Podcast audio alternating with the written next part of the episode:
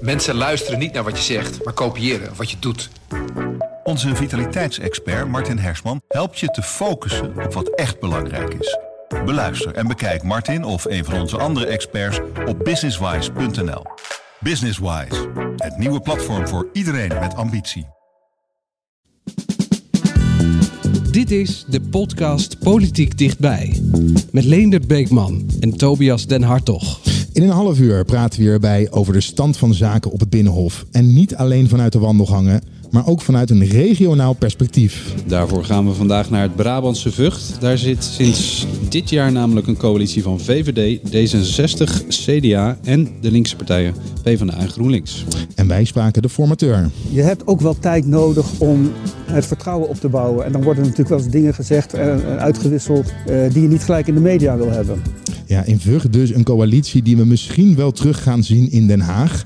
Tobias Den Hartog, politiek verslaggever. Uh, met jou ga ik zo meteen weer uh, verder formeren. Wij kunnen dat namelijk wel. Ja. In Den Haag kan dat niet, want vorige week ging het uh, flink mis. Vorige week donderdag. Samen zaten we op de redactie. Ik als samensteller van de videoredactie. Jij dus vanuit je rol als politiek verslaggever. Ja, het was mijn dagje wel, hè? Chaos. Ja, en het begon allemaal met Olongren, die dus een uh, positieve coronatest kreeg. Nou, het verbaast me eigenlijk dat zij uh, niet op afstand al uh, werken. Ik werk al een jaar op afstand. Waarom niet op de Binnenhof ook? Ik denk dat als je bij de overheid zit, dat je dan extra voorzichtig moet zijn. En je bent op de wereld om elkaar te helpen. Dus ik denk niet dat, uh, uh, dat dit heel slim is van haar. Nou, dat is uh, wel merkwaardig te noemen. Want iedereen moet het wel en waarom zou zij het niet moeten? Al zou je het voor de zekerheid maar doen. Nou, even heel kort hierover, Tobias. Ja. Ik ben hier toch ook wel verbaasd over. Dat er wordt bij de persco's ook gezegd: laat je je testen, blijf gewoon thuis. En eigenlijk wist ik niet eens dat op het moment dat je je laat testen, op het moment dat je geen klachten hebt, dat je dan nog gewoon kan doen waar je nou, zin in hebt, of in ieder geval gewoon kan uh, blijven werken. Maar je zou toch zeggen: blijf nou gewoon thuis. He, je hebt de ja. voorbeeldfunctie. Waarom op het moment dat je getest bent en je bent in contact geweest, iedereen wist dat met Mona Keizer die uh, besmet is. Waarom ben je op het binnenhof? Ja, ja, het is een goede vraag. Want ik, ga, ja, ik, ik zou ook, niet de advocaat van de duivel willen spelen. Maar er is, in het, er is ergens een protocollenboek van het RIVM. Daar hebben ze in de allerkleinste lettertjes staat dan dat uh, Olongeren een categorie 3 contact had gehad met, uh, met mensen die uh, besmet uh, zouden zijn of, of mogelijk besmet zouden zijn. Ja, en dan heb je vluchtig contact gehad binnen, niet langer dan een kwartier of alleen maar buiten en de hele tijd op afstand. Ja, en dan, dan kun je blijkbaar, uh, is de regel zo dat je je laat testen en dat je tot die tijd niet, uh, niet in afzondering hoeft. Ja, en de sociale media, die volgen we allebei ook op de voet. Ja. En nou ja, daar is de kritiek ja, niet mals dan, hè? Want nee, ja. de regels gelden voor ons, maar niet voor hen. Ja. Dat lees je dan. En ik begrijp dat dus. Ja, dat is ook wel te begrijpen. Kijk, je hebt de formatie, je hebt de ministerraad, alles is in persoon, hè? Het is allemaal face-to-face, -face, gewoon in een kamer. Uh, wel met afstand allemaal. Hè. In grotere zalen zijn ze gaan zitten en zo. Maar het blijft wel raar. Heel Nederland zoomt zich een ongeluk. En, en zij kruipen gewoon bij elkaar. Ja, daar is natuurlijk genoeg tegenover te stellen. Ja. Nou, en als het hier nou bij gebleven was, dan hadden we niet zoveel te bespreken gehad. Nee. Maar dat was dus niet het geval. Alongeren, die ook een, in ieder geval lang ziek is geweest. Uh, een auto-immuunziekte heeft, als ik het uh, goed ja. heb. die ging uh, nou ja, uh, die pakte de spullen, die vloog het gebouw uit. Ja, ja, die ja. het gebouw uit. Die grabbelde de papieren op tafel bij elkaar, rent naar buiten.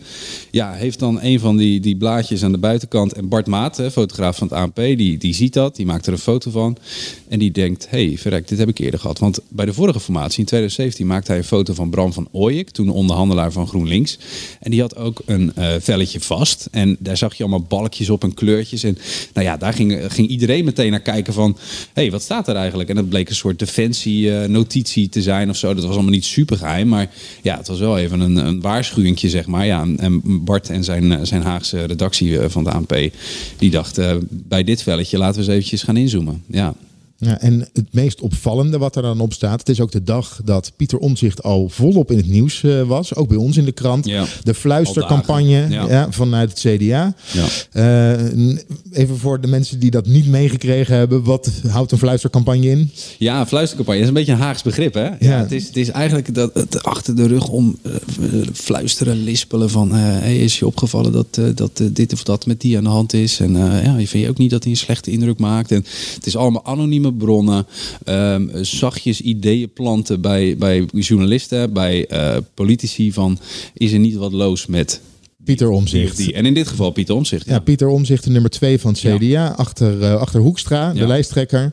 Uh, had ook meegedaan aan de lijsttrekkersverkiezing samen met uh, Hugo de Jonge. Nou, dat verhaal hoeven we niet helemaal nog te vertellen, werd daar tweede. Maar raakte eigenlijk overspannen in verkiezingstijd.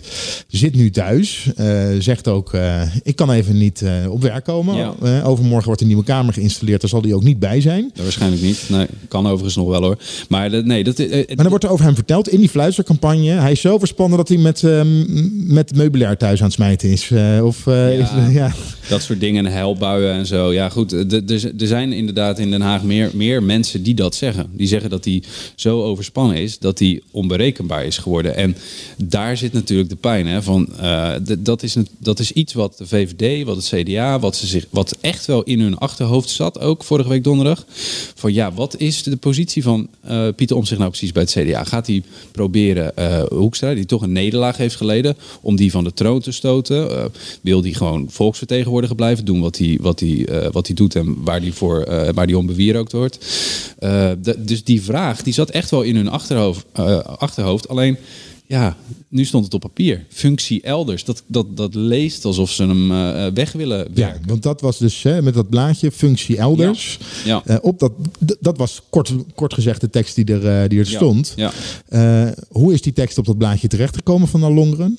Nou ja, dat is de grote vraag. Kijk, deze week is er een debat over in de, in de Kamer. Dan moeten de verkenners, Annemarie Jorritsma en Olongeren, moeten uitleg komen geven over hoe dat nou heeft kunnen gebeuren. En ja, wat er in hun briefje stond. Hè. Ze hebben een soort briefje gestuurd naar de Tweede Kamer van jongens, eh, dit kwam uit uh, verschillende gesprekken. Uh, is, is onze interpretatie van de gesprekken en media. Precies, en media optredens bij talkshows. Ze hebben die stukken blijkbaar gelezen over die fluistercampagne. Overigens staat nergens in die stukken dat Pieter Omzicht een functie elders zou krijgen. Dus dat lijkt ook een beetje een drogreden. dus dat is nog steeds een grote vraag. Achter de schermen hoor je, ja, dit is, uh, er is een hele dag zijn er besprekingen geweest. Alle fractievoorzitters zijn langs geweest. En dan op enig moment zijn er raadsadviseurs bij. Dat zijn ambtenaren die werken bij het ministerie van Algemene Zaken. En die zijn een beetje op papier gaan zetten van wat zouden nou gespreksonderwerpen kunnen zijn voor de komende dagen. En daar zou dit uh, ook uit voort zijn gekomen. Wat nog steeds niet de vraag beantwoordt. Ja, waarom staat er dan functie elders? Mm Dat is nog steeds de vraag. Weet je wat wij nog niet benoemd hebben?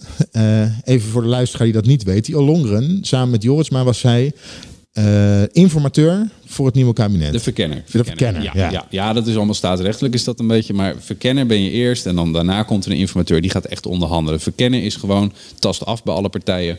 Wie zou met wie willen en waar zitten de inhoudelijke struiken. Ja, en hier hoort zij niks over te zeggen. Daarbij heeft er niemand wat te zeggen over de positie van een Kamerlid. Nee, nee, nee. nee. Dat is echt van een gekke. Wat, wat, maar wat ik wel, hè, dat bedoelde ik net ook te zeggen. Ergens in hun achterhoofden speelt dit natuurlijk wel mee. De VVD wil weten, ja, onderhandelen wij met Hoekstra en heeft hij last van omzicht op enig moment? Of is dat een, een gesloten blok? Is dat gewoon een, een, berekenbare partij, zeg maar? Een stabiele partij?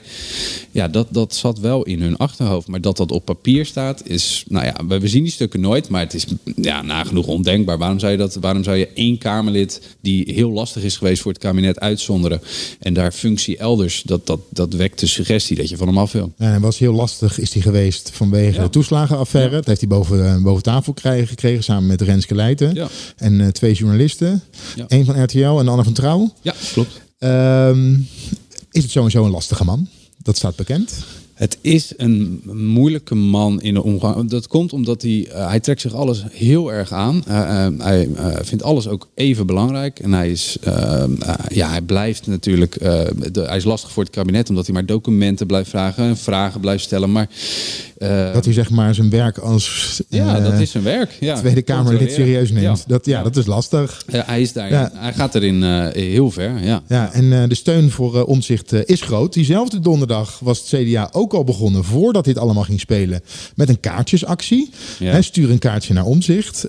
maar nadat dit allemaal uitkwam en het briefje met functie elders, is er dit weekend bij het stadhuis in, in Enschede, waar hij vandaan komt, is er ook een, een actie voor hem geweest. En onze collega's van Tubantia waren daarbij. Ik maak me er zorgen om wat er nu uh, blijkbaar geprobeerd gaat worden om het CDA erbij te krijgen, maar dan zonder omzicht. En de samenhorigheid is heel erg, uh, heel erg groot. Dat zit ook in de naam omzicht, hè? Omzien, hè? om elkaar, aan elkaar denken. En uh, ja, mensen hebben gewoon een heel goed gevoel bij uh, Pieter Omzicht. En nu wordt er geprobeerd te zorgen dat hij zijn werk verder niet kan doen. Het kabinet wil dus niet gecontroleerd worden. Terwijl de Kamer het kabinet moet controleren, want daarvoor zijn ze. Ja, hij is ontzettend populair, zeker uh, bij de achterban uh, binnen het CDA, een deel daarvan, maar ook in zijn eigen Enschede. Ja. En wat je hier op het einde hoort, hè, de controle, hè, de mensen die hem lastig vinden. Ja. Uh, Lilian Marijnissen bij op één ging daar ook nog op in. Dit is een staaltje machtspolitiek van de hoogste orde. Als je het hebt over mensen die vertrouwen moeten hebben in de politiek, eerlijke politiek. Uh, laten we even niet vergeten dat het vorige kabinet is gevallen vanwege de toeslagenaffaire. Ja, maar het gaat Ik zou denken, bovenaan het lijstje zou moeten staan herstel van de rechtsstaat. Ja. Hoe gaan we dat oplossen en niet degene, een individueel gekozen Kamerlid, die dat onder andere aanhangig heeft gemaakt. En Marijnissen die eist uh, dat uh, Ollongren in de Kamer verantwoording Ja. komt afleggen. Nou, dat gaat Aanstaande gebeuren. woensdag. Ja, dat wordt een ontzettend spannend debat. Maar die staat nog onder voorbehoud. Eh, dat debat? Ja. Ja, nee, dat moet, dat moet formeel. Ik bedoel, dat is een beetje vooroorlogs eh, eh, werkwijze daar in Den Haag. Dat moet dan formeel worden aangemeld bij een regeling van werkzaamheden. Maar dat gaat gebeuren. Dat debat komt er ook. Ze hebben ook gezegd. En gaan ze dat dan met de nieuwe of met de oude Kamer doen? Nee, dat is interessant. Dat is met de nieuwe. Dus dan, dan, dan, dan krijg je een hele rare situatie. Dan heb je dus in de Kamerbankjes heb je Hoekstra. Ook verdacht hè, van het feit dat dat, dat dat zinnetje functie elders uit zijn. Ja, want laten we even uitleggen waarom hij in de, in de bankjes zit. Omdat met de nieuwe Kamer Ja, je- het eigenlijk geen nieuw kabinet is. Nee. En dan is hij gewoon voor gekozen volksvertegenwoordiger. Ja. Zit hij ineens niet in vak K, zoals ze dat noemen. Nee, precies. Maar zit hij gewoon op zijn, eh, op zijn zetel. Ja, op zijn zetel als, als CDA-fractieleider. en dat, dat geldt hetzelfde voor Sigrid Kaag. Die zit ook gewoon in de Kamerbankjes dan. Eh, hetzelfde geldt eigenlijk ook voor Rutte, die dan de VVD-leider is. Maar ja, die heeft dan weer een, een, een soort van dubbele pet op natuurlijk... omdat hij ook de premier is. Dus de, de, de, ik weet nog niet helemaal welke, welke stoel die precies gaat pakken. Het is namelijk ook een hele rare situatie. De verkenners, die eh, staatsrechtelijk gezien... kun je daar heel moeizaam een debat mee voeren. Want die hebben geen. De, de verkenners staan niet in de, in de regels, staan niet in de wet. Mhm. Dus het is, het is sowieso een heel raar debat. Maar wat, ja, wat het een explosief debat maakt, is dat eh, eigenlijk alle partijen eh, verdacht worden van dat zinnetje. Ik bedoel, de VVD en D66 zouden dat zinnetje in die stukken hebben kunnen. eh, eh, ja, via hen zou dat zinnetje in die stukken terecht kunnen zijn gekomen. omdat ze van omzicht af willen. Hetzelfde geldt voor Hoekstra overigens. Ehm, dat kan, hè. Ik bedoel, het is, dit is echt een hoe dan het. Echt een politieke hoe dan het. En die zitten dan in de, in de Kamer. Daar gaat dan over gedebatteerd worden. En aan de andere kant heb je Olongren. Die heeft wat uit te leggen. Want ja, het stond eh, op haar papier. Zij, eh, het zijn haar, de raadsadviseurs die het mogelijk hebben dan, eh, die, die het zouden hebben opgeschreven. Die eh, vallen onder haar verantwoordelijkheid tijdens die verkenning. En zij is ook nog eens minister van Binnenlandse Zaken. Dat is de andere pet die ze op heeft. Waarbij ze verantwoordelijk is voor de geheimen van de IVD. Nou, de minister die verantwoordelijk is Mhm. voor de Zij geheimen weet hoe ze eh, dingen in een eh, dossiermapje moet dat stoppen. zou je denken. Ja. Precies, dat zou je denken. Dus dat is, dat is een hele ongemak. Het wordt echt een heel eh, ongemakkelijk debat voor iedereen, denk ik. Meest voor Rutte, omdat hij natuurlijk de avond van dit. Eh, van de eerste dag van chaos zei. eh, nee, ik denk niet dat eh, de verkenners zich hierover gaan verantwoorden. Nou, hij zei niet eens denk niet. dat nou, gaat niet gebeuren, gaat toch? Niet gebeuren. Ja. Dus dat bijt hem gigantisch in zijn, in zijn kont. Ja. Ja. Dit wordt echt een, het wordt echt een explosief debat. Want het kan alle kanten op. eh, waarbij je zelfs niet moet uitsluiten dat de positie van Ollongren als minister eh, ter discussie eh, eh, komt te staan. Ehm, dus dat, dat is echt heel, heel spannend. En dan de rare situatie dat stel dat omzicht er niet is, dan gaat het over hem zonder dat hij er is. Of hij is er wel en dan gaat het er over hem Wat hij erbij is. erbij is. Ja, het is echt een ongemak aan alle kanten. Ja. Zullen wij verder gaan formeren? Want de Wie oude... weet komen ze er ooit nog eens een keer aan Hè? Je weet het niet. Ja, nou, wij kunnen het in ieder geval gaan doen. Eh, want nu Jorisma en Ollongren er niet zijn om die eh, verkennende gesprekken te doen, zijn er wel dezelfde dag nog twee nieuwe verkenners Ja. aangewezen. Wie zijn schone dat? lijst, schone lijst. Dat was eh, Wouter, Wouter Koolmees, minister voor D66... en Tamara van Ark, minister van de VVD. Ja, en wij hadden het vermoeden dat het waarschijnlijk over links zou gaan. Dat hebben we vorige week besproken. Hè? Dat, eh, Dat is in ieder geval de wens van D66 en misschien wel onvermijdelijk. Dus dat is wel een serieuze, eh serieuze optie. ja, en dan hebben we het dus over de VVD D66, CDA, wat nu ook weer lastig eh, gaat Ja, worden. dat wordt ook weer moeilijk. Partij van de Arbeid en GroenLinks. Ja, en of GroenLinks, of GroenLinks misschien niet, maar in ieder Ja, geval want met op datzelfde linkse- briefje stond namelijk ook... de linkse partijen houden elkaar niet helemaal... Die, die, die houden elkaar niet vast. of- Pijnlijk, ja? pijnlijk. Ja, de, de linkse partijen houden elkaar niet zo vast. Nou, wat hebben die linkse partijen al die maanden in de, of al die, al die weken in de, in de campagne gezegd? Wij houden elkaar vast. Eh, PvdA wil niet in een regering zonder GroenLinks en of SP. GroenLinks heeft gezegd, PvdA, eh, SP en wij moeten elkaar vasthouden. SP heeft gezegd, wij gaan niet in een kabinet zonder PvdA en GroenLinks. Eh, Ja, en dan staat er op briefje. Blijkbaar na die gesprekken met die eh, linkse leiders. Nou, die, die nemen het niet zo nauw. Die, die, kunnen we wel losweken. Daar werd overigens in D66-kringen wordt er ook op gewezen dat alle informateurs die, of alle fractieleiders die gaan dan langs de verkenners. Hebben ze een gesprek. En dan zetten ze daarna nog eventjes netjes op een briefje wat ze hebben besproken. En in het briefje van de PvdA stond, nou ja, dat vindt D66 dan niet zo heel duidelijk dat ze eh, een keiharde voorwaarde hebben gesteld dat het ook met een andere linkse partij moet. Dus dat je de PvdA krijgt, maar dan moet je GroenLinks erbij nemen. Dat stond er niet zo duidelijk, vonden zij. Dat was al een teken aan de wand dat D66 dacht, nou PvdA die kunnen we sowieso wel losweken. Maar dat voorspelde jij vorige week ook. Dat gaat Ja, wel ik, lukken. ik denk ook wel dat dat even dat dat dat dat. maar nu niet meer. Maar nu ligt dat toch wel heel gevoelig. Ja. ja. Hey, en creatief, zoals wij zijn, zijn we eens gaan kijken... waar hebben ze nou zo'n coalitie? Zo'n brede coalitie eh, in de gemeentepolitiek. En wat eh, schetst onze verbazing? In Vught zijn in november verkiezingen geweest... omdat de gemeente een herindeling kreeg. Dus hebben ze een, een vervroegde verkiezingen hebben ze daar gehad. En daar zijn ze het aan het voordoen. Ja, want daar zijn ze dus tot die coalitie gekomen van, nogmaals, VVD, D66, CDA, Partij van de Arbeid en GroenLinks. Partij van de Arbeid en GroenLinks die samen daar eh, eh, ja, al eh, één partij zijn, of in ieder geval een, een samenwerkingsverbond hebben. Ehm, we hebben de informateurs gesproken. Van Vught. Ja, van Ja. Vught. Dat is gedaan door een advocaat, een VVD'er, Robert Gebel. Maar wij hebben gesproken met de D66-man die deze formatie heeft gedaan. Eh, en dat is Wilbert Seuren. En we, we vroegen hem eigenlijk, hoe lastig is het nou om zo'n eh, middencoalitie te smeden? Nou, mijn naam is Wilbert Seuren.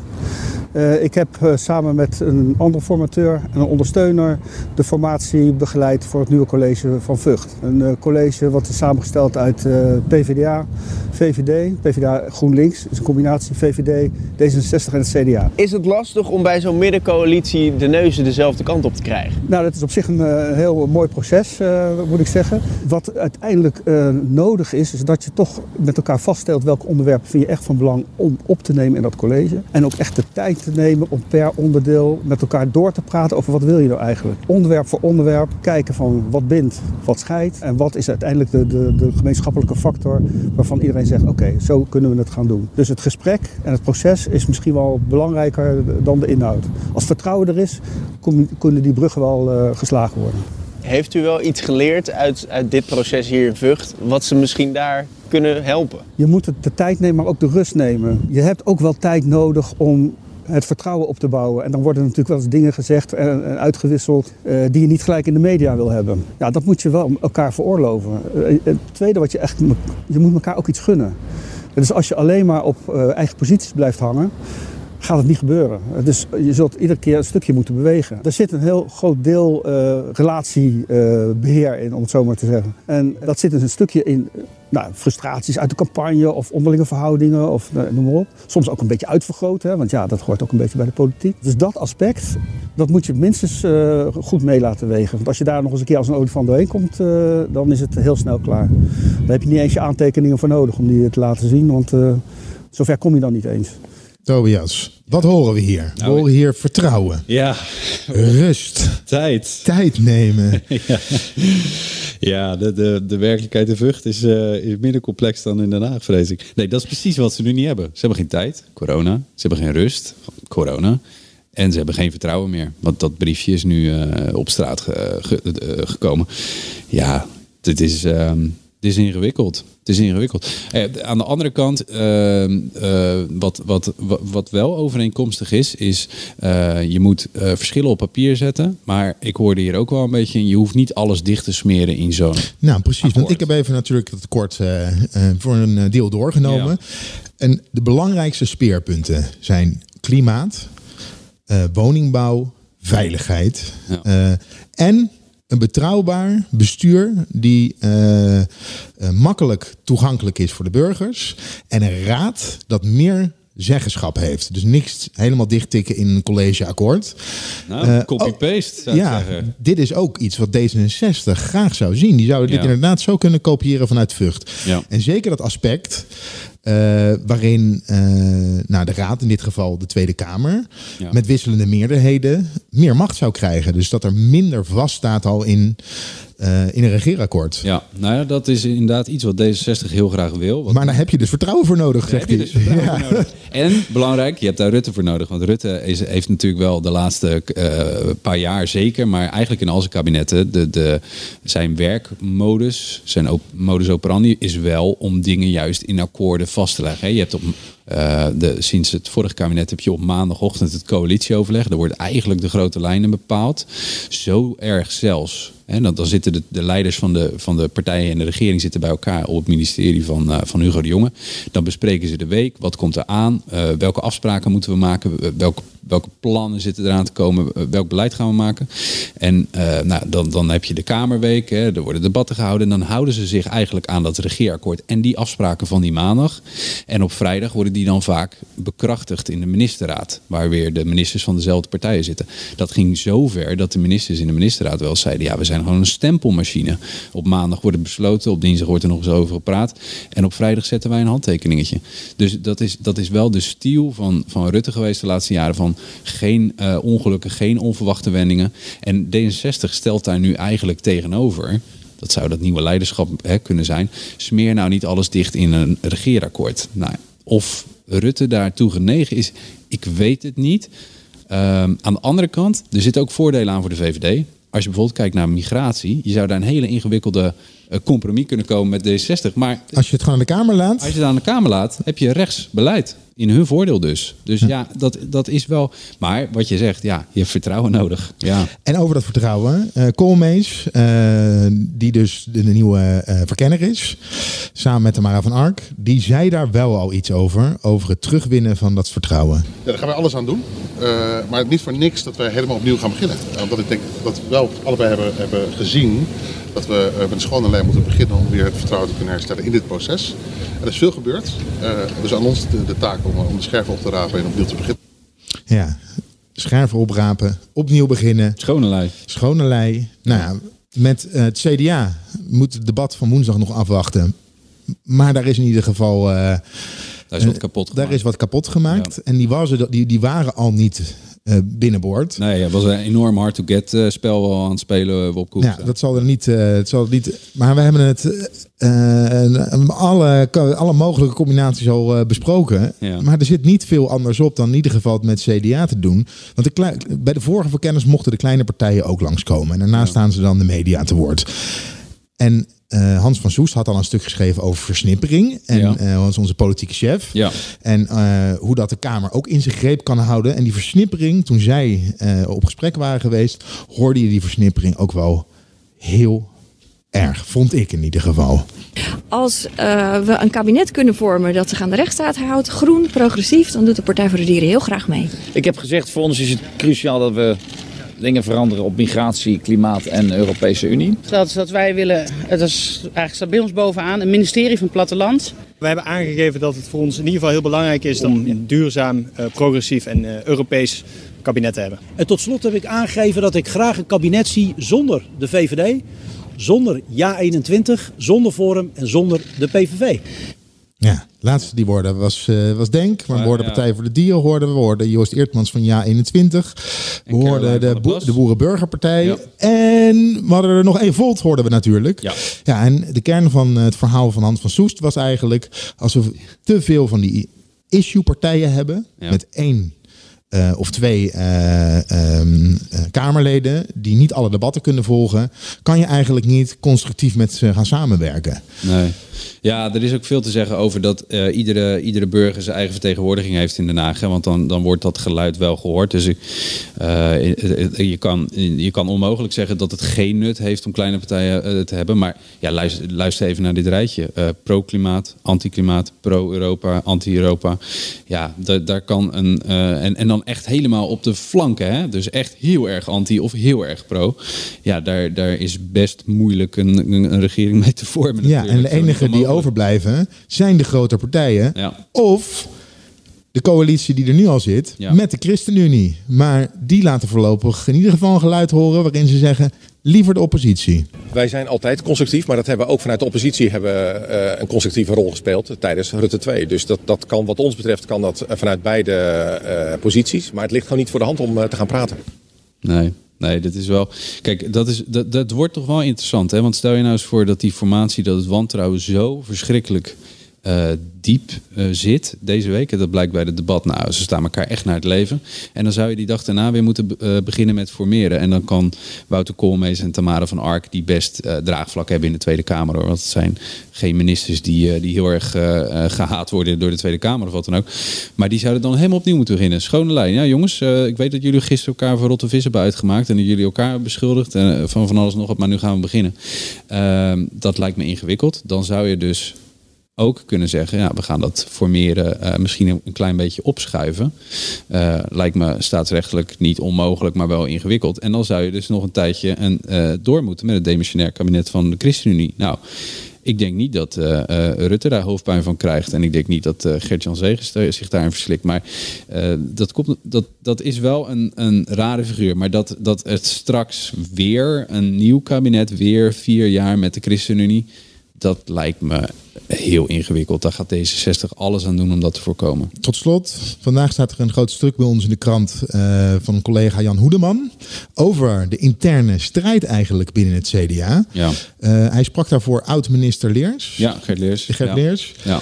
Eh, als je dat stuk leest, dan denk je nou, voordat er überhaupt een eensgezind CDA aan een formatietafel zit, dat duurt nog wel even. Want het komt er eigenlijk op neer dat er echt een eh richtingenstrijd gaande is hè, eh, binnen, de, binnen de partij. Of zeg ik dat, is dat overdreven? Nou, hij vreest daar vooral voor, hè? want dat is, dat is natuurlijk wel het punt. Kijk, Omtzigt heeft nog niet van zich laten horen. We hebben een tweetje gehad van zijn vrouw, eh, dat, dat zij vond dat ze hem op een zijspoor aan het zetten waren. Maar hij heeft zichzelf nog niet laten horen. Terwijl hij, hij aan op basis van het aantal stemmen is hij goed voor zes kamerzetels. Er was een peiling van Maurice de Hond dit weekend dat hij in zijn eentje lijst om zich 23 kamerzetels zou kunnen halen. Dus zijn populariteit is groot. Eh, het CDA wil ook gewoon met hem door. Eh, denkt ook wel dat dat kan. Maar er zijn wel rare dingen gebeurd. Los van dit briefje. Hij was bijvoorbeeld onzichtbaar in de campagne. Dan kun je zeggen, ja, dat was oververmoeidheid. Maar er zijn ook geluiden dat hij zich gepasseerd heeft gevoeld. Dat hij zich te weinig eh, ingezet heeft gevoeld dat ze hem niet hebben gebruikt. Op zijn kracht. Juist nu, net na de val van het kabinet, toeslagenaffaire. Eh, hij was de gevier en terecht de gevierde man. Eh, en dan, dan hou je hem een beetje in de luwte. Ehm, dus er de, is, de, de moet bij het CDA, ja, ik zou mediation gaat wat ver, maar er moet, er echt een kringgesprek komen even. De- Hebben we, staan we inderdaad nog, staan de neuzen nog dezelfde kant op? Kunnen we met elkaar door één deur? Dat is wel een vraag die het CDA zich moet stellen. Tobias, woensdag is het debat. Maar volgende week is het Pasen. En dan eh, zijn wij in ieder geval allebei vrij. Dus we moeten even kijken of we daar een mouw aan kunnen passen voor deze podcast. En anders zijn we er over, eh, over twee weken weer. Maar we gaan onze uiterste best doen om volgende week gewoon wel te zijn. Vind je dit nou een leuke podcast? Eh, abonneer je dan. En dat kan je doen bij Spotify of bij Apple Podcast. Of je luistert ons gewoon bij ons op de site. Tot de volgende keer.